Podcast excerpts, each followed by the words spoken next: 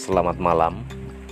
Episode yang kedua ini saya akan lebih masuk ke dalam mengulas sedikit tentang beberapa hal menyangkut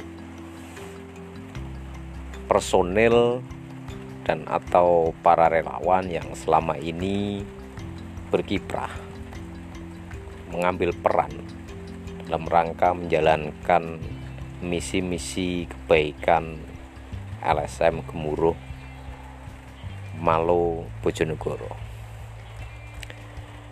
Yang pertama adalah saudara Suryanto. Suryanto laki-laki 45 tahun. Posisinya sebagai ketua atau senior atau koordinator yang memang sejak awal didirikannya lembaga ini beliau yang menjadi komando. Sehari-hari adalah sebagai pegiat desa juga yang telah malang melintang di dunia kelembagaan sudah tidak bisa dihitung apa saja yang sudah pernah dibuat. Di bawah kepemimpinannya, gemuruh mulai bergeliat apa yang dilakukan selama ini adalah memberikan masukan, motivasi, dan pendampingan kepada lapisan masyarakat, khususnya pemuda dan pemerintah desa. Apa yang dilakukan dan perjalanan hidupnya selama ini sudah cukup untuk menjalankan lembaga ini pada jalur yang benar menanam kebaikan adalah semangatnya. Dengan jargon besar manfaati marang lian itu selalu melekat pada dirinya. Pria dengan istri bernama Kusmiati dengan dua orang anak itulah yang sekarang menjadi tumpuan lembaga ini untuk mengarungi segala sesuatu yang telah digariskan oleh lembaga. Begitu sedikit ulasan tentang saudara Suryanto yang lebih akrab dipanggil Leksur tersebut. Yang kedua adalah saudara Solikin. Solikin adalah pemuda lebih apa itu bisa dikatakan seorang ayah, seorang bapak dengan dua orang anak juga. Dia juga salah satu perintis berdirinya Gemuruh.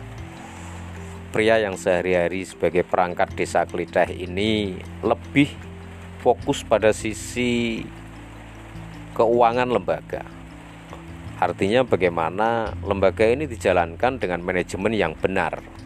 Meskipun perjalanan yang berat ini harus dilalui dengan tertatih-tatih, dia yang selama ini membangun sistem manajerial gemuruh.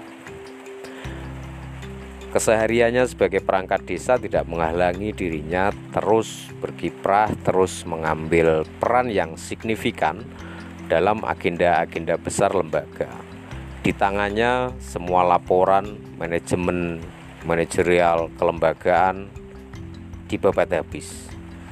Ada kebanggaan tersendiri ketika kader-kader deso katakanlah mampu mengerjakan hal-hal yang luar biasa. Begitulah saudara Solikin dengan sedikit ilustrasinya. Yang selanjutnya adalah saudara Makfur Makfur sehari-hari dipanggil Ipung adalah dia sebagai divisi all round. Kenapa dikatakan seperti itu? Karena memang dia mampu berada di mana pun. Dia bisa pegang apa pun.